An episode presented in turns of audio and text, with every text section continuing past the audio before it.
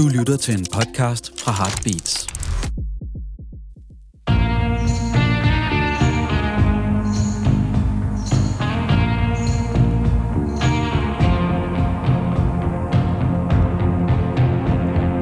Så er det sørme blevet tid til endnu en gang rockhistorier, og din værter er som altid Claus Lyngård og Henrik Kreitz. Og vi skal i dag opfylde et lytterønske. Ja. Ja, inden fra vores øh, lytteklub inde på Facebook, som man jo kan blive medlem af, hvis man går ind og støtter os på heartbeats.dk. Ja, bliver medlem af vores lytteklub. Og ja, vi har fået en del lytterønsker gennem tiderne, og nogle gange bider vi på, og nogle gange gør vi ikke. Men den her gang bed vi på, for det var faktisk et emne, som vi begge to øh, har et, et forhold til. Det er det engelske 80'er band Talk Talk, som lavede fem LP'er, og så øh, trak øh, forhåndpersonen så tilbage efter en enkelt soloplade i, var det i 98? Ja. Og, siden, og så døde han i 19. Og så øh, det er sådan et meget fint afsluttet lille, en lille fin afsluttet historie om et band, der ligesom den navnkundige Scott Walker blev mærkeligere og mærkeligere. Ja, de udgik en, altså over de fem album, de nåede at lave øh, på otte år. En ret dramatisk udvikling, kan vi godt sige. Det kan vi roligt sige, og det udsprang i høj grad af førnævnte Mark Hollis' bestræbelser på at skabe en sådan en ny form for musik, kan man godt sige. Han er så blevet erklæret fader til postrocken. Jeg synes så, at Talk Talk er bedre end det meste postrock. En genre, jeg aldrig helt har... Nej, den har du ikke så en stor forkærlighed for. Nej. Nej, nævn, et, nævn noget, du postrock, du har hørt for nylig. Jeg hørte måske heller ikke så meget mere, men en overgang var jeg meget begejstret for navn som Mogwai, Godspeed You Black Emperor, Tortoise og så videre. Ja. Ja, jeg, jeg, jeg har prøvet. Jeg har faktisk set både Tortoise og, øh, hvad hedder de, Mogwai. Mogwai spiller meget højt. Den ro skal de Ja. have. det gjorde det. Øh, jamen, der kan også være momenter af ufattelig skønhed der. Men det er ikke noget, jeg sådan har, det er ikke rigtig noget, jeg er blevet sådan passioneret omkring. Men øh, vi starter jo et helt andet sted, kan man sige. Vi starter jo med, at Mark David Hollis bliver ført helt tilbage i 1955, og Ja. har en storbror, der hedder Ed. Ja, som var del af- den engelske pop-rock-scene, var manager for Eddie and the Hot Rocks, hvis nogen kan huske dem. Ja. Do Anything You Wanna Do. Ja, det var ja. et hit i sin tid Øhm, i og det var ligesom ham, der førte Mark ind i musikkens verden. Ja.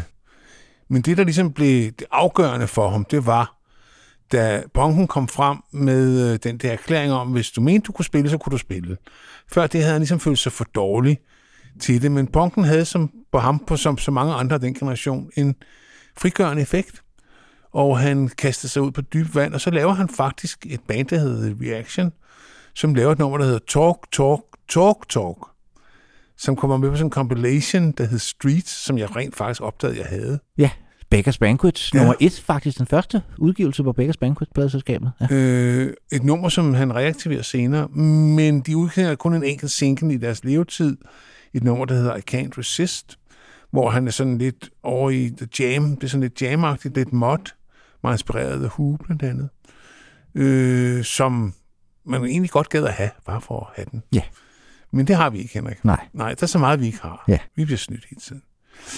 Men efter til korte eventyr med øh, The Reaction, så danner han så i 81 et band med Paul Webb på bass, Lee Harris på trommer og en Simon Brenner på keyboards. Og det er i helt i tidens ånd et syndt popband. Ja, og de hører så også med, de tre fyre der, men de er faktisk alle sammen en, syv år yngre end, end Mark Hollis. Så det er også nemmere at koste rundt. Ja. ja.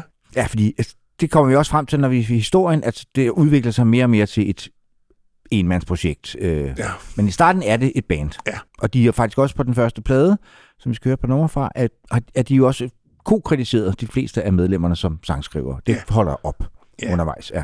Og øh, de får en kontrakt med EMI, som ser et kommersielt øh, potentiale i dem, og lidt på linje med et andet band, de har, Duran Duran, som jo også har sådan det samme ord to gange i navnet. Men jeg har nu altså aldrig, jeg har sgu aldrig kunne høre de der Duran Duran. Den er jo, den forfølger dem. ja, de bliver slået meget hardcore på dem, både på grund af navnet, og fordi de kommer på samme selskab, og de får jo så også den samme producer, producer. Ja. øh, Colin Thurston. Øh, Jeg bliver nødt til at sige, at deres sang bare er så... Og det, jeg kan faktisk, jeg har egentlig ikke noget principielt imod Duran Duran, men allerede i starten er deres sange så meget bedre end your average Duran Duran sang. Ja. Men som sagt, de bliver slået i hardcore med den der syndpop, New Romantics bølge, og det er måske ikke helt, når man hører det, det vi skal høre det her om lidt, eh, måske ikke helt uforståeligt, Claus. Nej, bestemt ikke. Øh, og jeg kan huske i tiden, øh, der, der var der ikke noget, der, der, der sådan indikerede, at de skulle gå hen og udvikle sig helt vildt. Man tænkte, det var måske... At de havde nogle hits. Øh, et af dem, som vi kommer til om lidt, som jeg var helt vild med dengang. Øh, men det var ikke et band, man sådan ville spå en stor fremtid for. Nej, og i dag har de jo sådan øh, øh, kultstatus og bliver husket som værende enormt populære, men når man så kigger på deres hitlisteplaceringer, så havde de faktisk ikke særlig mange hits, i hvert fald ikke i hjemlandet England. Nej. De var måske egentlig større herovre i, i det rigtige Europa. Ja, kontinentale Europa. Ja, ja. Og australierne og Ja. ja. newzealanderne kunne rigtig godt lide dem. Og så havde de faktisk også øh, altså, tit højere placeringer i USA end i England, men det hører så med, at deres placeringer i England timelig, var rimelig lave. Og den Ja. første debutsingle, den røg slet ikke på nogen hitliste overhovedet. Det var Mirror Man, der kom øh, i juli 19, nej, februar 1982. Ja. Øh, og der opdagede jeg dem altså ikke, må jeg indrømme. Nej, det gør jeg heller ikke. Så lad os bare høre øh, Mirror Man, fordi nu er Talk Talk altså, hvad hedder det, udklikket.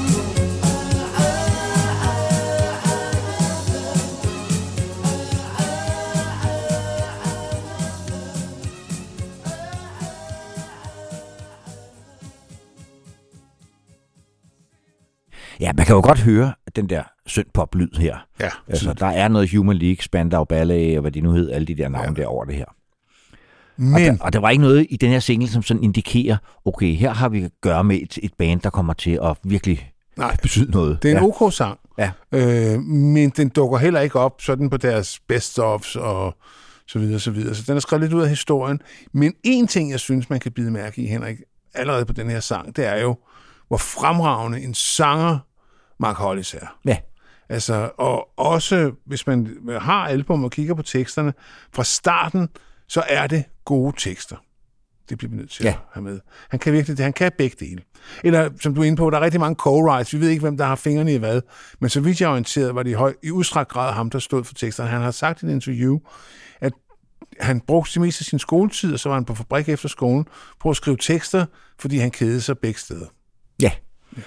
Det, Så han har Det- sikkert haft nogle notesbøger at trække på. ja, det har han helt sikkert. Og det hører også med, at Mark Hollis er en ekstremt privat person, ja. så, så der, der bliver ikke sådan særlig meget sex, drugs and rock and roll over det her afsnit af rockhistorie, fordi det vides, man, ved, man ved faktisk ikke særlig meget øh, om Mark Hollis, heller ikke om der er skrevet en stor biografi om ham. Altså om hans privatliv ved man ikke særlig meget Nej.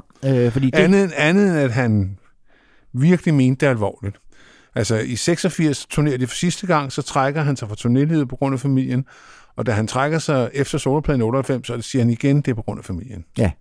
Så altså, det er noget, han prioriterer højere Ja, end han, jeg tror heller ikke han synes, at, hvad hedder det, privatpersonen Mark Hollis var interessant i den her sammenhæng. Altså, Altså, det han- handlede om musikken. Han var Ja. meget dedikeret. Han var ja, altså disciplineret og passioneret og så videre. Og har man også indtryk af lidt en the ass at arbejde Ja. sammen med, fordi han altså var så perfektionistisk. Ja. Og det var han allerede fra starten, og det var meget, det var his way or no way. Ja. ja. Det må man nok se i øjnene. Men så det førnævnte nummer, Talk, Talk, Talk, Talk, det bliver så reaktiveret øh, i forbindelse med øh, debutalbummet, som jo kommer til at hedde Party's Over, en sang, vi spillede. Den spillede vi jo, da han døde i 19, da vi spillede, øh, da vi ristede en rune for alle dem, der var forsvundet det år. Ja. Øh, der fik lod Henrik mig eller nådest få lov til at spille den over for debutpladen, som jeg jo elsker. Det er, Henrik har jo det udtryk, der hedder et ledet standpunkt. Jeg vil gerne indtage et ledet standpunkt. Jeg elsker debutpladen. Men måske fordi jeg har hørt den så meget, det er Ja. ikke til at sige. Det er heller ikke nogen dårlige blade, men Ja. jeg synes, de bliver bedre, som tiden går. Ja. ja. Altså, det, det kan jeg jo ikke sidde her og benægte. Jeg kan bare godt lide den. Ja. Øh, men Talk Talk var så en øh, omarbej- om, eller bearbejdelse af det nummer, som han i sin tid var debuteret med med The Reaction helt tilbage i 78 på førnævnte compilation LP Streets. Men hvis man hører dem og sammenligner dem, så er der ikke, så er det mest melodien tilbage. Teksten er helt omskrevet og så videre, Ja. videre. Men broren Ed Hollis er jo stadigvæk ko, øh, øh, hvad hedder det, ko med sangskriver. Ja. ja så, Jamen, han havde sådan lidt fingrene i lidt af hvert. Hvis man går ind og kigger på hans meritter, så har han faktisk haft med rigtig mange forskellige bands at gøre. Ja. Så han er sådan en af de der usynlige skikkelser, som musikverdenen jo er fyldt med, ikke? Jo. Peter Sørensen, hvis du hører det her. Ja. program. ja. Usynlig, usynlig, måske så meget sagt. ja. Men, øh, Men, nevertheless, Talk Talk, deres anden single, og nu nåede de så helt op på en 1, eller hvad? 52. plads på den engelske hitliste. Wow. Ja. Så kom ikke her. Ja. Og det var vildt. Ja. Så nu, nu er fremtiden lys.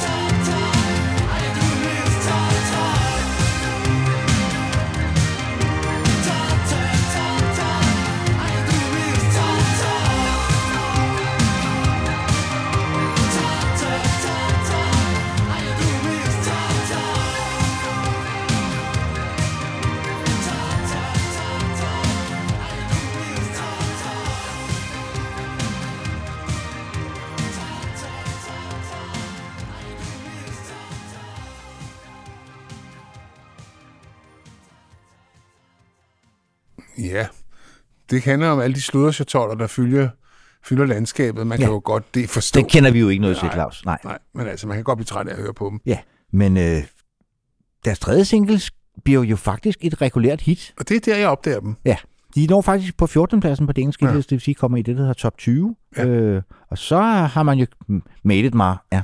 Altså, det var jo dengang, Henrik. Man, hvis man faldt for et nummer, og man så faldt over albumet, så tog man jo en chance. Ja. Fordi man tænkte, det nummer er så godt, så sandsynligheden for, det var noget, man vejede pros at cons, Ja. ja. man stod Er i resten af pladen lige så god? Ja. Ja. det vil jeg sige, det, det her nummer er exceptionelt godt, så titelnummeret er også helt fantastisk. Men det var det, der fik mig til at købe The Party's Over, Henrik. Så kan du se, hvad Så du købte den simpelthen allerede dengang? det gjorde jeg. Til gengæld købte jeg ikke de efterfølgende. Okay. Altså, ikke dengang. Nej. Altså, jeg var tilfreds med at have The Party's Over, som jeg hørte rigtig meget. Men det her nummer Today, det synes jeg sparker så meget numse, røv, kald det hvad du vil. Jeg, jeg synes stadigvæk, det er et af deres top 5 numre, det må jeg sige. Øh, og, øh, Det er også et godt nummer. Det er så et af de numre, som er, er, er blevet krediteret til hele bandet. ja. og det har jeg, tror jeg, jeg har stået og danset til det nede på Bonaparte. Det kunne jeg godt forestille mig. Det kan jeg næsten se for mig, Claus. Det har været et ømt syn, Ja. ja. Ja. jeg har det, men du var jo faktisk en dansesmølf. Det var jeg skræmt pigerne for det ja. sandt. Så øh, ja, lad os gå tilbage til 1982 og forestille os Claus danse til den her.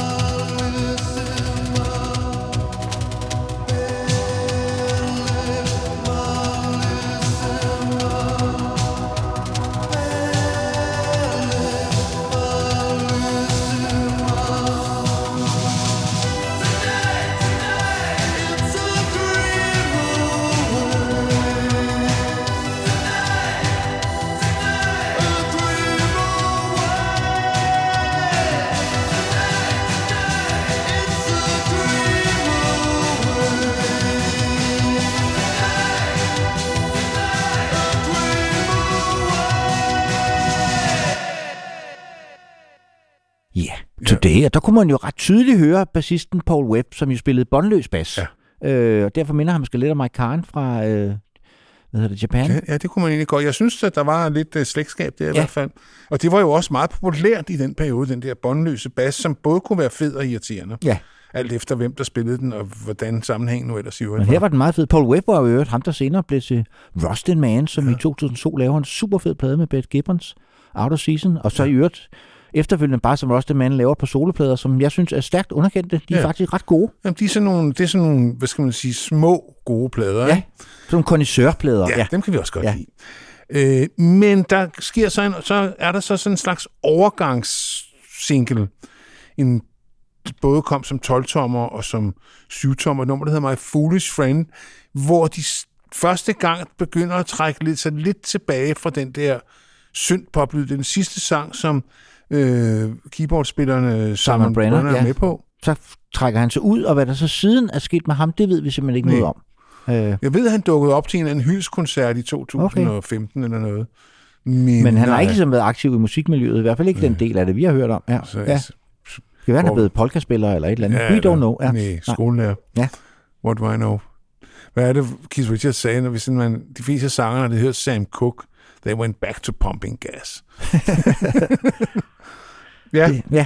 men det nummer hed My Foolish Friend, og igen øh, Og- var det ikke en overvældende succes, Henrik. Nej, det var det ikke. Det noget 57. pladsen på de engelske hitlister, så det var ikke noget. Men til gengæld så er af ingen øh, ringer end Red Davis, som jo er kendt for for sit arbejde med den sene Roxy Music, og det kan man måske også godt høre lidt på den her single.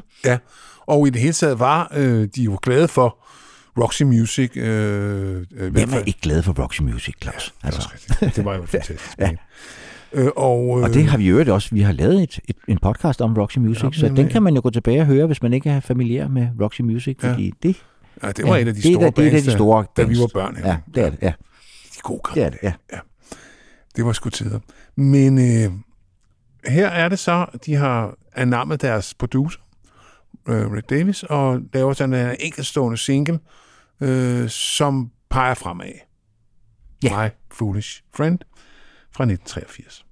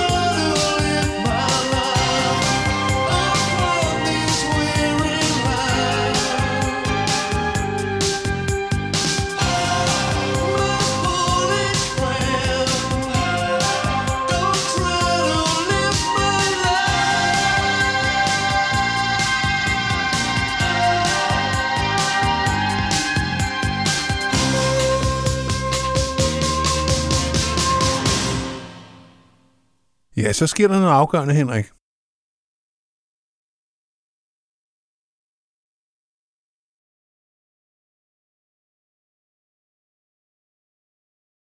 Ja. Pressebillederne er noget, men, men i de facto er han fjerde medlem, og bliver jo Mark Hollis højre hånd. Ja. Altså, det, det er ligesom de to, der, der kører den fra nu af. Ja. er sådan en, en åndsfælde, kan man ja. sige, som han ligesom kan øh, ikke drive til vanvid. ja, og åbenbart er lige så meget flueknipper som Mark Hollis. Ja. Altså, de bruger meget, meget lang tid i det der studie. Det gør ja. de. Og det bliver længere og længere.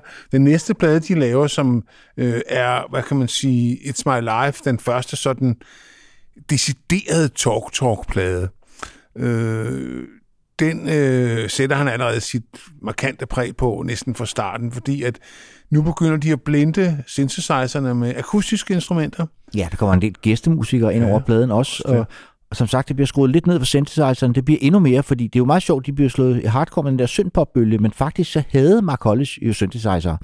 Han sagde, at det var udelukkende økonomiske årsager, at de brugte den, fordi de havde simpelthen ikke råd til at hyre et rigtigt orkester eller noget som helst. Så måtte de jo bruge synthesizer. Ja. Det er meget godt sagt. Ja. Det kom der så meget godt ud af, men man kan så sige, at øh, øh, det blev jo mere og mere akustisk, øh, som det, så han fik jo sin vilje som sædvanlig, Henrik. Ja. Men, Men det her her er der stadigvæk høre- rester, ikke? Her er Jo, der stadigvæk rester. Det er der. Og det blev jo faktisk et hit, It's My Life. Især herover på kontinental Europa. I England nåede den kun nummer 46 på hitlisten. Men, øh, men det blev et hit i resten af verden, og den blev ikke mindst et hit, da No Doubt lavede en genspilling i 2003. Øh, var den et, et, et kæmpe hit i USA og så videre. Ja, det det tror tror jeg var med til at forsøge den gode Mark Hollis alderdom. Det tror jeg også. Den ja, 10. plads i USA. Ja. Det har været gode penge. Og det var jo ikke kun ham, fordi han har skrevet nummer sammen med Mark Freescreen, så ja, de- Tim Freakscreen. Ja, undskyld, Tim Freescreen, Freescreen. Tim, Tim ja. Freescreen. Øh, og øh, den blev så faktisk et hit i England i 90, da de øh, udsendte, øh, eller da EMI, for, det er en lang historie, men de blev uvenner med EMI, så udsendte EMI et best of i 90'erne Natural History. Og der nåede den så lige pludselig 13. pladsen i England, sangen her. Så øh, den havde en, en lang, øh, lang historie, kan man sige. Jo, og man kan også allerede her se, hvor kontrær øh, Mark Hollis er, fordi der skal jo, dengang skulle man jo lave videoer, når man lavede en single. Og der er lavet sådan en ret sjov video til It's My Life, hvor han står og så gør grin med det der med at stå og, og hvad hedder Og det, mime. og mime til, til en sang, som man jo gør, når man la- laver en video. Så han mimer sådan fuldstændig ude af takt med sangen, så det bliver meget, meget tydeligt, at ja. han står og mimer. Ja. Ja. Og man bliver lidt stresset af at se på Ja. det. Ja. Det er nok også meningen. Ja. Ja. Det var sådan en slags sub, sådan lidt diskret subversiv handling fra hans side. Ja, Så er fordi han, altså, han lavede kun videoer, fordi pladeselskabet for langt. Han synes han synes, det er jo åndssvagt at stå og mime til mine sange. Ja, altså, ja det kan man måske godt sætte sig lidt ind i. Ja. ja. Men det var jo ligesom konceptet. Men øh, det er stadigvæk et godt nummer, It's My Life, synes jeg, Claus. Jeg kan, ja. Ja, det er rigtig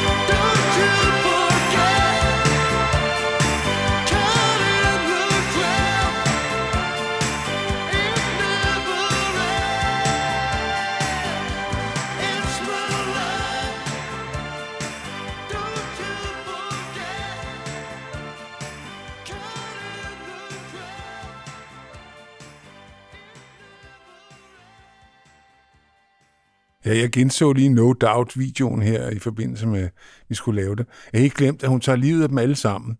Øh, den, hun er sådan en øh, blonde bombshell, Det er rigtigt, ja. der står sine mange tre mænd ihjel. Ja, det er rigtigt. Og så ender det med, at hun Men det er jo en, ja, det er jo en ret tro version, de Ja, egentlig laver noget det er nærmest en kopi. Ja.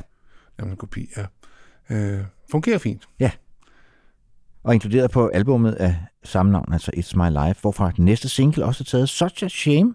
Ja. Og øh, du snakkede om hans tekster før, der kan vi så også høre, at han er lidt litterær, fordi det er jo en, en nummer, hvis tekst er inspireret af Luke Reinhards Terningmanden fra Ja. 1971, som jeg også var meget optaget af på Ja. et tidspunkt. Det, det var faktisk Dan Turell, der skrev en anmeldelse af den på et tidspunkt, og jeg tænkte, den skal jeg læse. Ja, og plottet i den er en mand, der lader sig styre. Altså, han øh, udstikker nogle muligheder, og så slår han terninger om det, og det kan gå... Der kan der komme mange mærkelige situationer ud af, øh, men det, han lader sig lade terningerne bestemme sine handlinger. Ja, og det er jo et sjovt litterært koncept. Jeg ved ikke, om det er en rigtig god sådan, livsmetode, Claus. jeg er sikker på, at jeg vil lægge mig, ind, øh, lægge mig efter den. Men øh, også en sjov ting, det var, at på det her tidspunkt, allerede på denne her plade, var der jo et hav af gæstemusikere med. Og en af dem var faktisk ingen ringer end Robbie McIntosh, som jo i de her år stod sine folder i The Pretenders, men altså godt kunne lånes ud, selvom Chrissy jo kunne være ret skrab.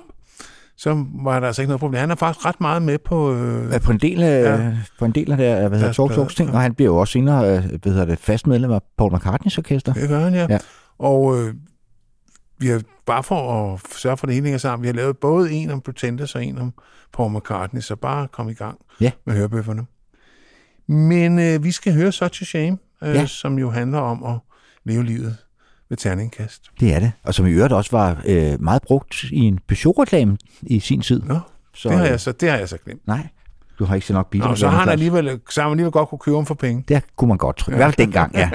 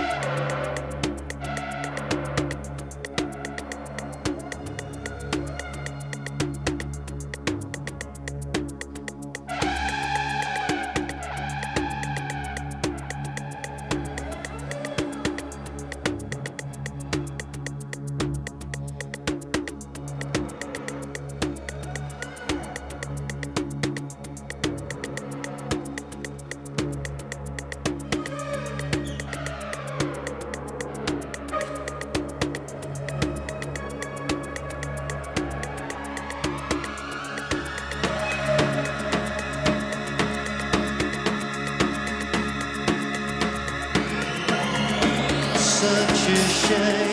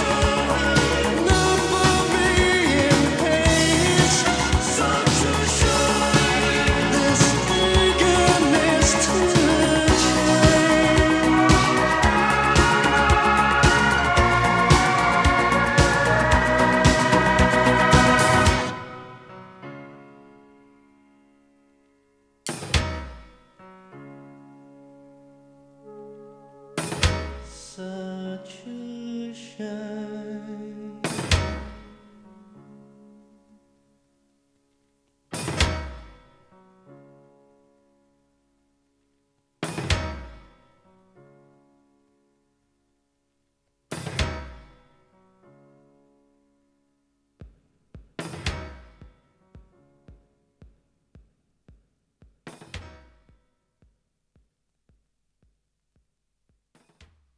Så til shame, og vi har så valgt, og det har vi hele tiden konsekvent gjort hele vejen igennem, valgt at spille albumudgaverne øh, af de forskellige singler. Øh, den var fem, et halvt minut, var selvfølgelig lidt kortere på singlen, fordi der kan man mere høre den udvikling, der er i gang her. Allerede her kan man høre, der sker jo, der er alligevel rykket en hel del fra Mirror Man og frem til så til Shame, selvom der egentlig kun er gået et par år.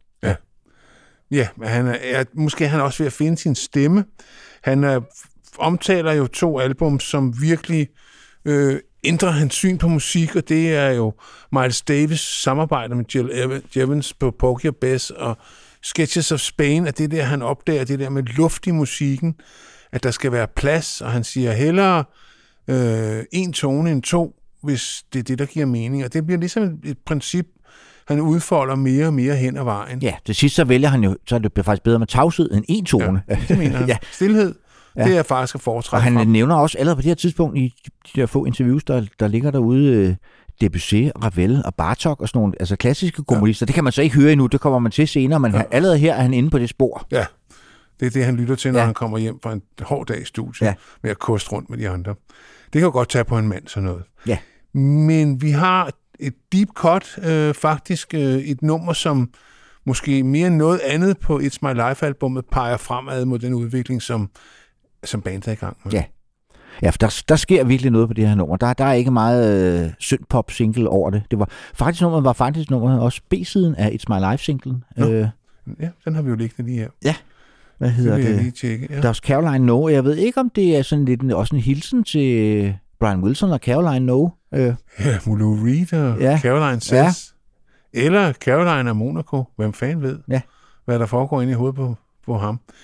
Altså, Men der, der begynder at blive lidt Brian Wilson over ham også på den der måde, at han, det ligesom altså bliver hans ja. Projekt, og de andre bliver, bliver sådan mere marionetter i hans, øh, ja. I hans øh, musikalske vision, ikke? Jo, altså også i den måde, at for eksempel, han gerne hiver en anden trommeslager ind eller en anden bassist, hvis han ligesom synes, at nummer kræver det. Det er også ja. sådan en udvikling, der kommer til at ske. Allerede her, at på et af numrene, er der faktisk en, en anden bassist med, som spiller bas med bånd, fordi det krævede nummer. Jeg kan huske, hvad det er for et af numrene. Men der er en gæstebassist med, som så ikke er akkrediteret, fordi det var alligevel for stærkt for Paul Webb. Øh, så sådan er det. Men lad os høre øh, Does Caroline Know fra It's My Life 1984, og der kan man høre, der, der begynder der at ske ting og sager. Ja. Ja,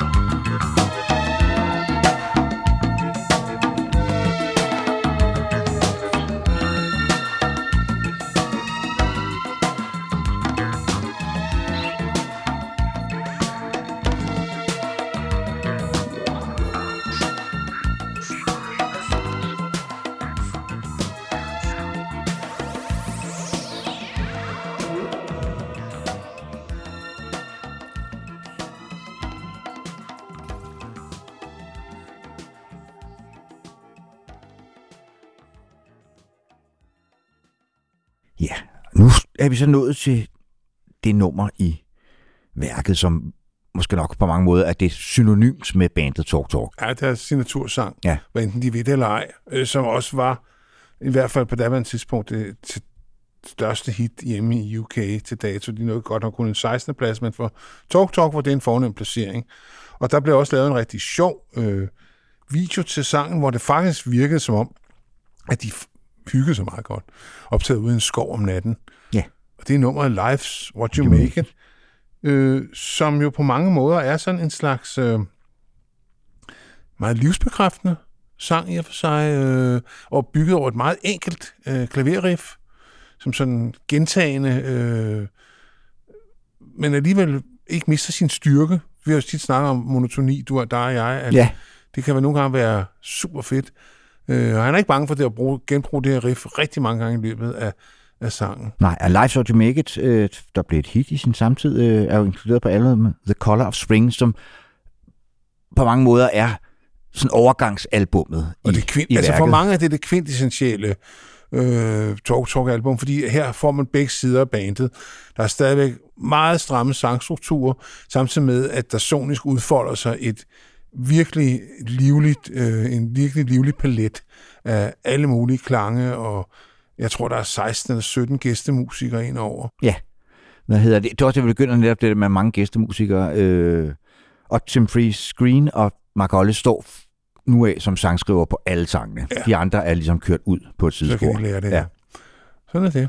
Og det er jo David Rhodes, øh, guitarist, øh, vi hører her, så, øh, som var jo Peter Gabriels faste guitarist fra det album, der hed Melt, hans tredje album. Der, han havde jo de der fire Peter Gabriel, fire albums, øh, er faktisk ret som, gode. som, som ret gode, øh, hvor han ligesom er, går lidt væk fra den der prog rock ting, Ja. ja. han kom fra, var meget inspireret af tidens new wave lyd. Ja. Øh, så faktisk er super fed alle sammen, og alle sammen hedder Peter Gabriel for øh, ja. bare gøre Så det har de fedt. så fået alt efter coveret Car og Ja. ja. Terror, og ja, de har sådan, ud Ja. fra omstagene, Og det bedste af dem, det er måske nok det tredje, det der hedder Melt. Øh, ja, med, ja, ja, ja. Det er det eneste, jeg har Ja. ja. tilbage. hvad hedder det? Men det var sidespring, øh, dem kan vi jo godt lide her i Det skal I til. Ja. Og det er også Color Spring, at det album, hvor synthesizeren for alvor bliver tonet ned. Nu er det, der skal bruge stryger, så bliver der brugt rigtige stryger og så videre. Ja. Øh, Sådan er hvad det. hedder det? Ja. Nu er der penge ja. til det. Og det bliver også, hører med til historien, det er deres kommercielt mest succesfulde plade. Så øh, life's what you make it.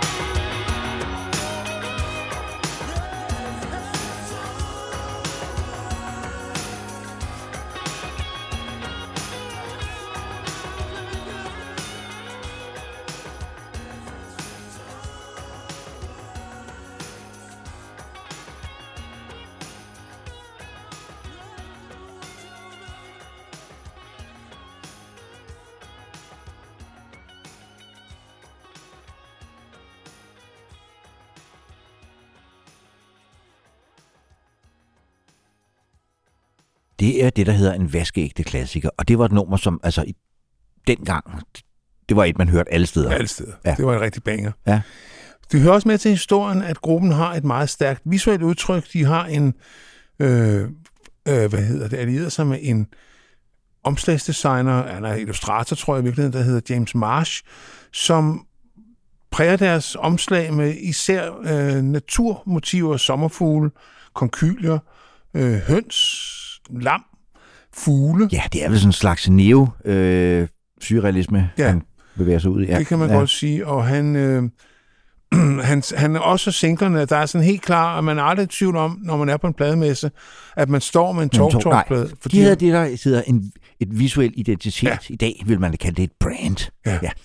Og Ja. øh, øh, jeg tror, det er det, han er mest berømt for, James Marsh, det er de der talk-talk øh, omslag. Øh. Han er med i øh, The Hall of Cover Art Artists. Okay, Altså The Hall of Fame for Cover hvor var det? Var slet ikke klar, at der fandtes sådan en. Nej, men det har jeg læst mig til. Nej, det vidste jeg heller ikke. Men det kan man Det godt forstå, fordi altså, er der noget værre, end at have en god plade i et dårligt cover? Nej. Eller står med en super dårlig plade i et super fedt cover? Altså, der kan man godt nogle gange sige, ej, der kunne I godt nogle gange bruge lidt mere penge på designet venner. ikke? Ja, og andre gange, så, så bliver man snydt, fordi coveret faktisk er meget fedt, men pladen er ikke lige så god. Det er noget skidt. Ja. Det er det, du snakker om at pladerne har karisma, ikke? Jo. At der kan man nogle gange blive snydt. Ja. Men som regel har du ret, Henrik. Du er god til at spotte dem. Yes. Vi skal høre en single mere derfra, som så slet ikke kunne matche Live Spot Jamaica i popularitet. Give It Up hedder det, øh, som jo øh, faktisk, øh, hvad hedder det, også er et super fedt nummer. Øh, Det er det. Og der, du nævnte jo Robin McIntosh før. Øh, han er med her igen på Dobro. fint skal det være, Ja. Henrik. Ja. Så jamen, let's, lad os køre derud af.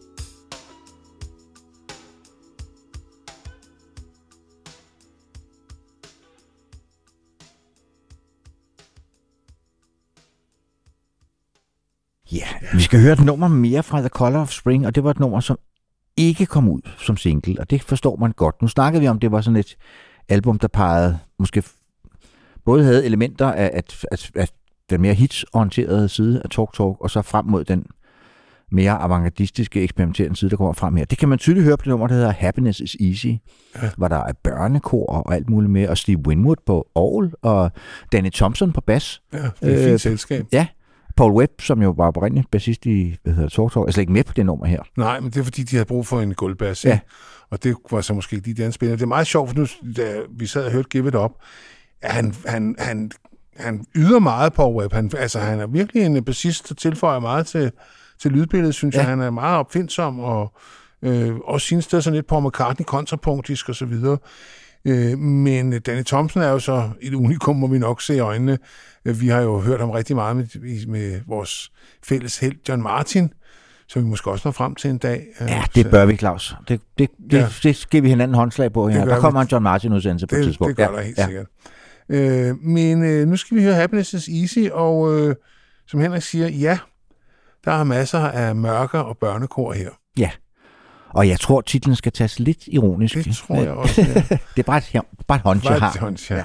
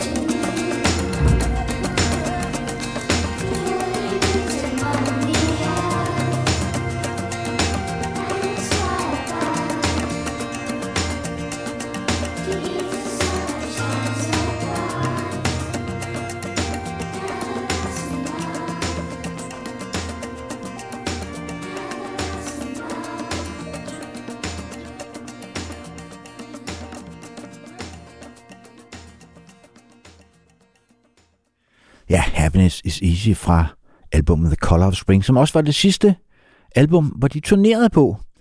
Og det må så næsten have været dengang, jeg så dem, for det var de spillede ude i, var det Valbyhallen, Claus, sammen med New Order og Depeche Mode, ja. og så Talk Talk? Det var ikke nogen dårlig aften, Nej, det var det jo altså ikke. det må man sige. Og jeg må sige, at øh, med årene bliver man glad for, at man har oplevet de der bands i deres storhedstid, og det var altså et godt år for dem alle tre, må man sige, Ja. 86. Øh, der leverede de virkelig varen. Jeg husker faktisk ikke nogen af dem som dårlige. Nej, øh, ikke engang Valbyhallen, Nej, som ellers Det- var et ret skrækkeligt sted. et skrækkeligt sted. Ja. Men altså, sådan var det i 80'erne. Man måtte tage, hvad man kunne få. Og øh, de, for at kunne øh, reproducere deres lyd, så må de have seks hjælpemusikere med, og ikke færre end to slagtøjsspillere. Det kan man også høre på det her nummer. Der er også to slagtøjsspillere med, ud over øh, trommeslæren. Og der findes faktisk en DVD fra den turné, der hedder Live at Montreux, øh, som... Øh, hvis man ser den, så kan man faktisk godt huske koncert. Det er stort set det samme sæt, som Ja. vi spillede i Valby. Jeg tror faktisk, at det var den sidste koncert på turnéen overhovedet på Jazzfestivalen i Montreux. Ja, det tror jeg Øh, også. Så, det, ja. det var et symbolsk i Ja. ja. sig. Der takkede han af. Øh, Også op på en jazzfestival, fordi han... Det blev mere mere jazzet, kan man godt det sige det. ja. Ja. øh, ja, men det var så der stod altså så faktisk ni mand på scenen. Øh, det kan jeg så ikke huske, at der gjorde. Nej, det kan jeg heller ikke huske. Men øh, det har der gjort. Hvad Jeg hedder det? Der bare- er, altså, vi drak heller ikke kun appelsiner den aften, men Claus, det skal vi godt sige det? Jo, Det der var det, noget der. det. Ja, man blev ja, lidt træt, ja, ikke? Ja, På et tidspunkt. Ja.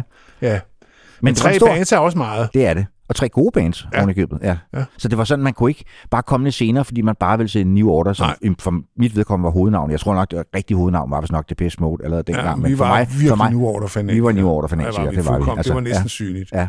ja. Det fortog så lidt, men øh, der, lige, der, lige de år der, der var der det kunne de do no wrong. Ja. Selv de dårlige var- toller synes vi var Ja. gode. Ja.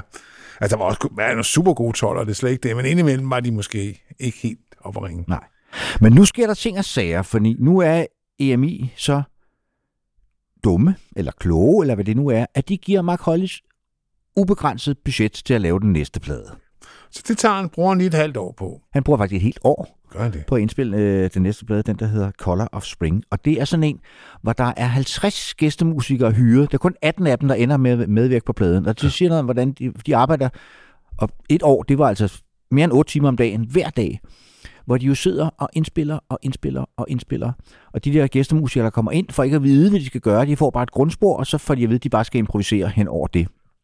Og tit, så laver de altså masser af takes af forskellige ting og sager, og så ender man med at bruge et eller to sekunder af det, de har lavet, eller et eller to taktarter, som man klipper sammen, og måske ovenkøbt på et andet nummer, end det de troede, de spillede med på, osv. Altså, det er jo en plade, der er Color Spring, der er klippet sammen.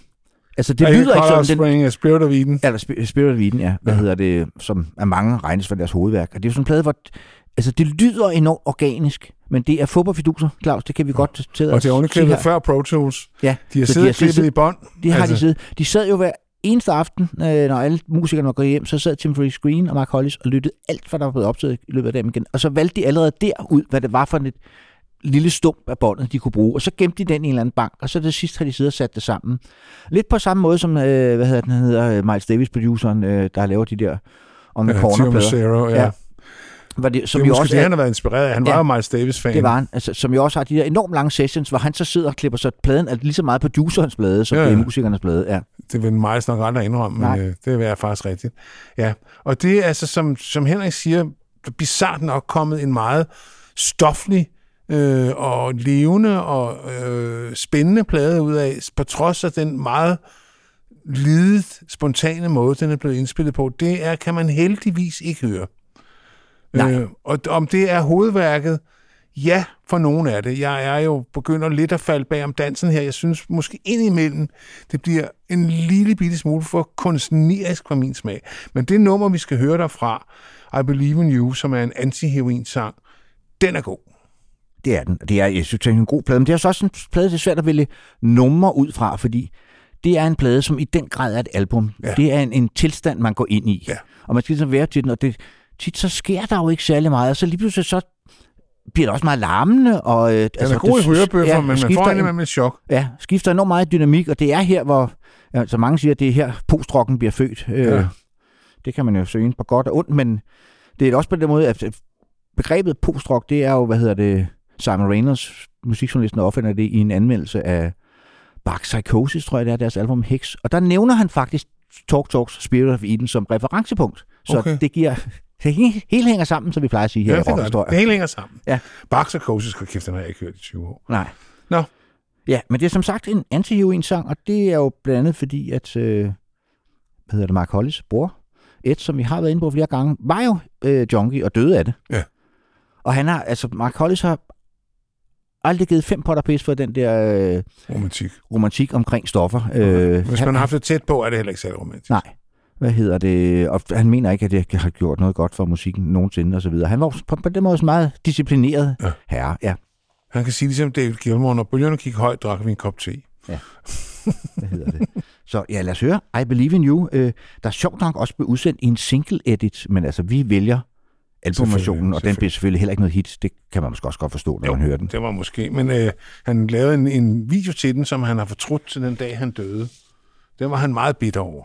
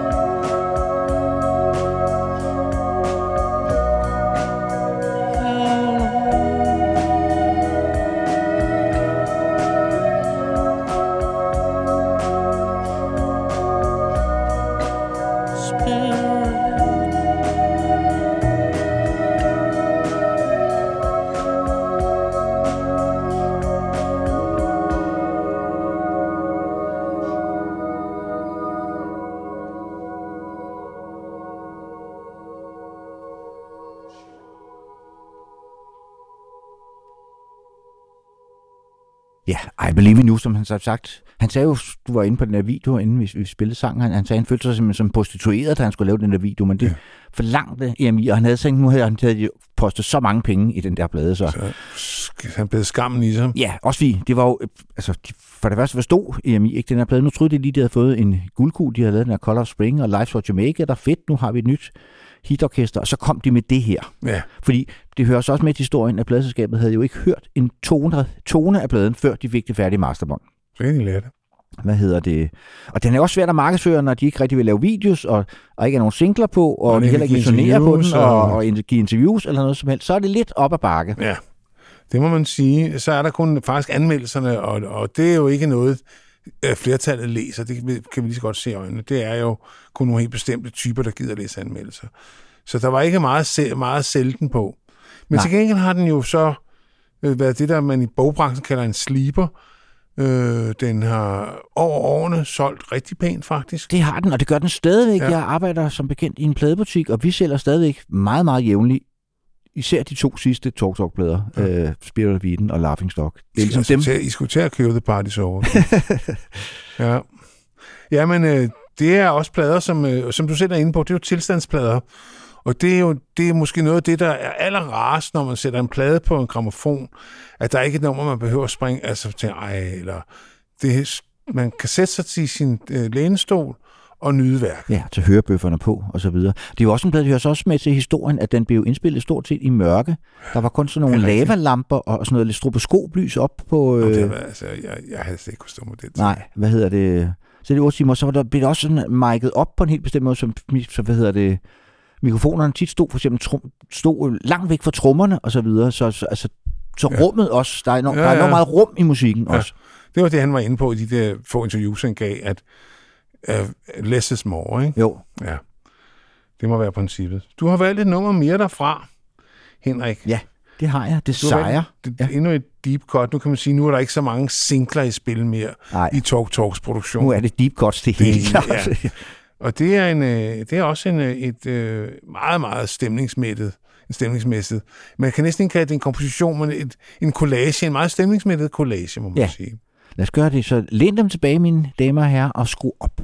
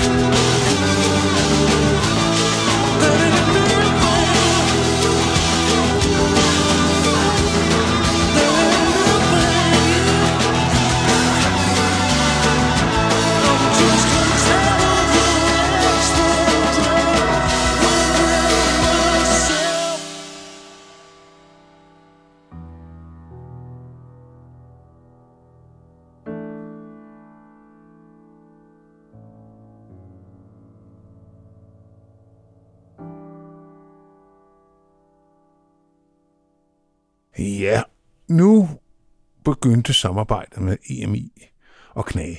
Ja, i den grad, hvad hedder det, og også i øvrigt med bassisten Paul Webb, som øh, bliver træt af de der meget, meget lange indspilningsepisoder, og de ikke kan komme ud og spille live mere, og så videre. Så han, han går simpelthen ud af bandet efter. Ja, og laver faktisk en ny band med... Nej, han går ud, det er rigtigt. Ja.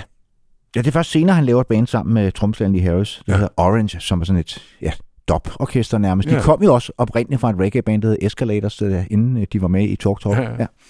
Men øh, de bliver uvenner med EMI, og først sagsøger de EMI. Det er noget med en, en kontrakt, der skal fornyes efter tre måneder. Jeg kan ikke huske, hvordan det er, men det er noget med, at de mener ikke, at EMI har opfyldt øh, de der, den der tre måneders regel, og det mener EMI, de har. Men Talk Talk vinder Ja. retssagen, Det gør de. og slipper ud af kontrakten med EMI, og så tegner de kontrakt med Polydor, som har reaktiveret det legendariske jazzlabel. Verve.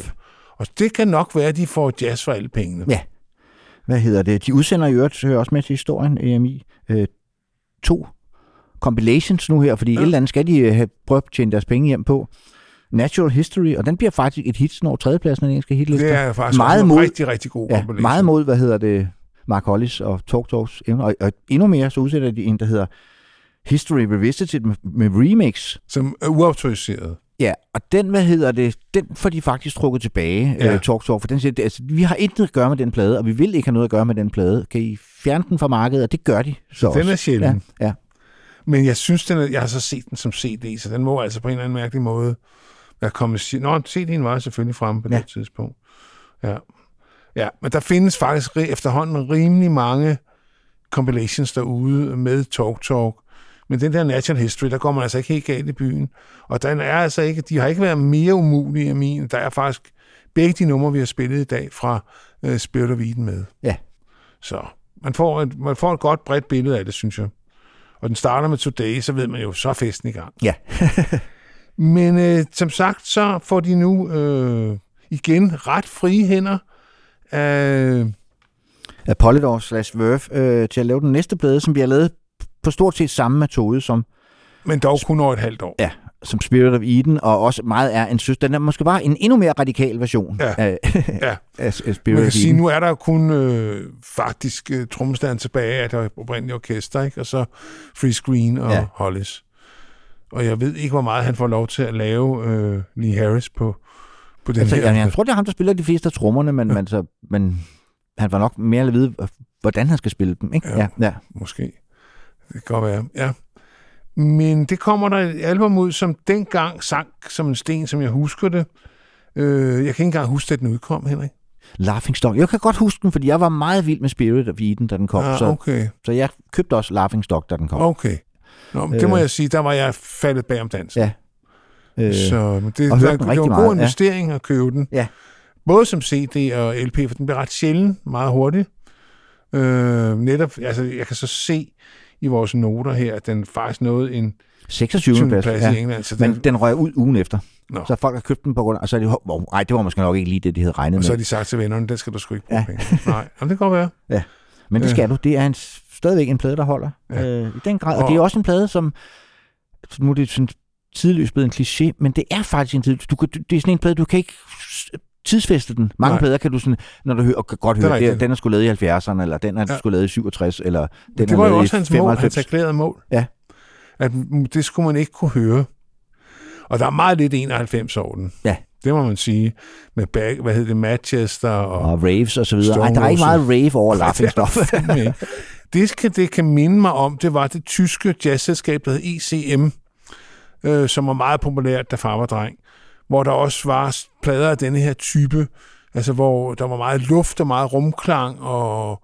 Øh, ja, ham der, den norske Jan Garabek ja, og sådan ja, noget. Det, var- det var, og ja. Ralph Towner, en guitarist, Ja. som jeg havde nogle plader med, og, øh, som sådan helt, havde en helt speciel eterisk nordisk stil øh, på mange af deres udgivelser. Ja. Ja. Og det er også, der er også noget nordisk over den her plade.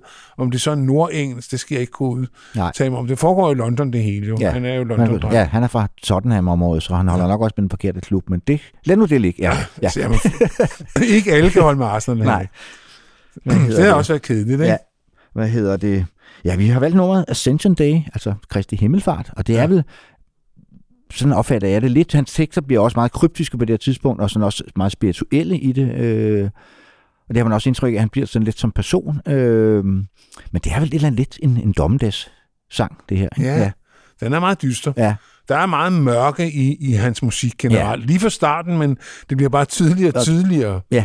Ja. Og det er sjovt, når man ser ham øh, interview, for der er faktisk også, der findes faktisk ude på, på YouTube, hvis man gider det, så ligger der faktisk fra dansk tv et ret langt uklip, så han har med, åbenbart været med, da han laver sin soloplade i, hvad hedder det, 98. 98.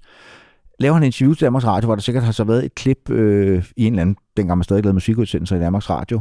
Men hele det uklippede interview ligger faktisk på YouTube. det jeg Oh, sgu- 59 minutter, hvor han bare Åh. sidder og snakker, sidder og snakker musikken, og han, der virker han sådan enormt sød og rar og Det tror jeg også, afklaret. det- og, det tror jeg du også. Ved, ja. Men Altså- snakker kun om musik, der er ikke noget, Nej, nej. der er ikke nogen øh, Øh, anekdoter. nej, nej. øh, men det kan vi også godt leve uden, Henrik. Øh, han har jo, som du selv var inde på, øh, jo aldrig nogensinde været interesseret i at dele. Og det må man respektere. Ja. Så Helt klart, og så længe vi har musikken, og den er så god, som det er tilfældet er her, så gør det heller ikke så meget. han har en kone og to sønner. Det kan han ikke leve fra. Nej, hade. Han er jo desværre død Nå ja, ja, nu. det- Han blev ja, kun ja. 64 af cancer. Ja, ja, det er jo ingen af Døde i 2019, ja. Men lad os høre Ascension Day.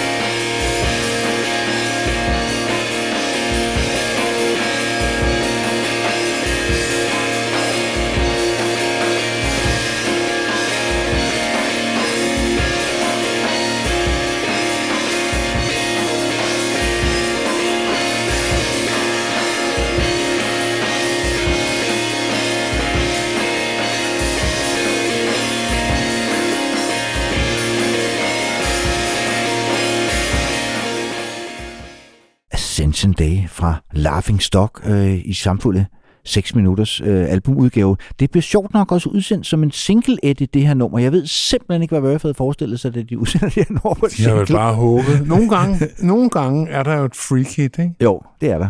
Øh, og så tror jeg bare, det har været sådan, order of the day, de her ting. Vi, nu, er vi, nu er vi gået ind i popbranchen. Vi må prøve at få det. Men vi bliver det religiøse, for så kommer der nummer After the Flood, og det er jo stormfloden. Ja. Det er jo den, som Noah måtte bygge sin ark for at redde alle dyrene. De siger jo, at enhjørningen kom for sent. De havde ikke læst ordentligt, Nej. så de nåede ikke med ombord. Så var næsten 10 minutter. Der kan vi da også lige riste en rune fra, øh, hvad hedder det, teknikeren Phil Brown, som jo er tekniker på de to plader her, øh, Spirit of Eden og Laughing Stop, som jo er sådan en legendarisk engelsk øh, tekniker, som har været med på Traffic og Led Zeppelin og Bob Marley's Eyes of the Sheriff og alle mulige numre. Øh, han mener jo selv, at det er det nummer her, det er det ypperste øh, nummer, øh, rent øh, teknisk, musikteknisk set. Altså indspillingsmæssigt, siger han, det her, det er her, hvor musikhistorien kulminerer, skriver han i sin øh, selvbiografi. Og han Hold har været med på ret mange store plader. Ja. Det må man sige. Ja. Store ord. Jamen, øh, så må jeg hellere slå ørerne ud og høre godt efter. Henrik. Ja. Og det var øh, ja, 9,5 minut, så læn dem tilbage, mine damer og herrer. På et tidspunkt så kommer noget, som jeg så altid har troet var en, øh, hvad hedder det, en guitar-solo, sådan en ret støjende guitar-solo midt i nummeret. Det har jeg så senere læst mig til, det er altså noget, der er lavet på en variofon, som jeg så heller ikke vidste, hvad var, som er sådan et keyboard, der kan lave blæserlyde. Og det får de så fucket fuldstændig op, så det kommer til at lyde som en forvrænget guitar. Ja. Ja. Altså, ja. Hvad, hvad Ja. de ikke finder på. Hvad de ikke finder på derude. Ja. Det er rigtigt.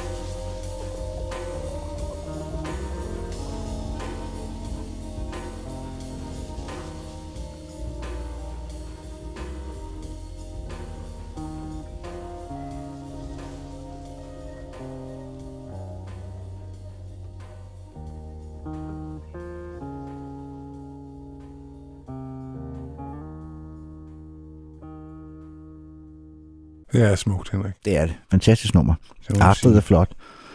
Og Men- så øh, bliver der jo faktisk tavshed. Ja, nu går Talk Talk, som det så smukt hedder, i opløsning. Man må Ja. se det for sig. Altså aldrig officielt, men Nej. der bliver bare tavshed. Der bliver bare lagt ned. Han, han trækker sig tilbage og vil koncentrere sig om at leve med sin kone og sine to børn. Ja. Og, øh, Og han siger, at det er uforeneligt med det liv der. Og man kan også sige, hvis han sidder 8 timer om dagen i et mørkt studie, ja, det er klart, det vil så også ja, trække derned af. Men han skylder Polydor en plade. Ja. Han har skrevet en uh, to-albums kontrakt, og det er faktisk meningen hen imod slutningen af 90'erne, at Talk Talk skal udsende endnu en plade, som hed Mountains on the Moon. Det var arbejdstitlen på den. Men efterhånden, som processen kommer i gang, er der ikke rigtig nogen af de gamle drenge, der stiller op. nej. Ikke engang uh, Free Screen uh, stiller op til den. Så bliver det besluttet, at det skal være en Mark Hollis soloplade. Og uh, han samarbejder her nu med en fyr, der hedder... Uh, Warren Livesay, ja. ja, som øh, havde været blandt andet produceret The Dør, Julian Cope, og især er, er, er kendt øh, for sit samarbejde med Midnight Oil. Ja. Det er ham, der laver øh, Diesel and Dust, deres store plade med, hvad fanden var det hittet? Of Burning. Better ja. Burning, ja, Ja. Som jeg faktisk hørt for nylig. Ja. Øh, og øh, i en mere nørdet afdeling, så skrev han faktisk sange med Guy Chadwick øh, til det lidt underkendte House of Love album med Beep Rainbow. Okay. Ja. Det havde jeg faktisk glemt. Nej, men jeg er jo lidt af en House Det ved. Love Love-fan, ja. freak, ja. ja. Jeg kan ovenikøbet lige Audience with a Mind, så kom ikke her. Ja. Men det korte lange er, at han udgiver den her soloplade, som er lidt mere sangorienteret end Laughing Stock. Ja. Øh, sangene er sådan mere komponeret, og ikke så meget øh, stykket sammen, og det skyldes måske samarbejdet med Livesey. Ja, og så er det også, Livesey, er, er det, hvad hedder det, er det rent akustisk? Der er kun akustiske instrumenter ja. på den her plade, og den er indspillet med to mikrofoner. Og det var egentlig, fordi en mikrofon, så kan man ikke lave stereo øh, perfekt. Så- der er sådan to mikrofoner, som står ved siden af hinanden midt i studiet, og så sidder musikerne rundt omkring mikrofonerne, altså ligesom de gamle jazzplader er indspillet. Ja. Og det var ligesom også det, der var hans ideal. Ja, så det er meget langt fra den måde, han brugte på Spirit of Eden og Laughing Stock. Det er jo faktisk ja, nok den eneste talk talk plade der, eller Mark Hollis projekt, der er blevet optaget på den måde. Ja, og der var ovenikøbet lavet demoer til. Det var der jo ikke til hverken Spirit of Eden eller Laughing Stop. Der, de blev ligesom jammet frem i studiet, ja. øh, eller klippet frem i studiet, er nok det, det rigtige ord. Her, her var der faktisk demoer, så folk vidste, hvad de skulle spille, når Ja. de kom ind i Det studiet. har været en fordel. Ja. Og det var en plade, det var faktisk der, da den kom, så genopdagede jeg Talk Talk.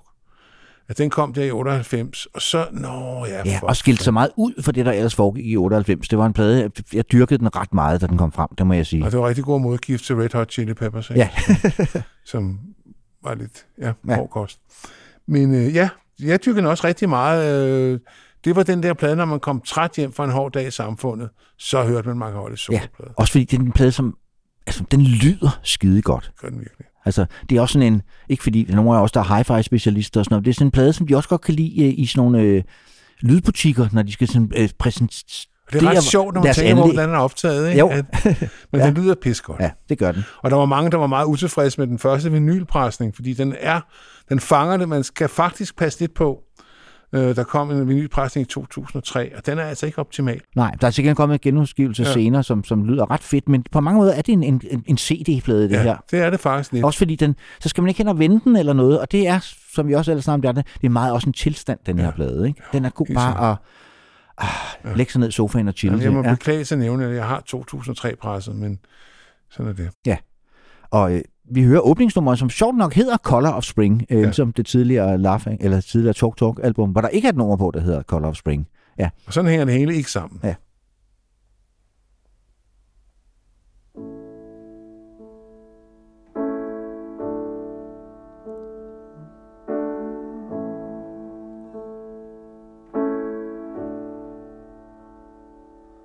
forget our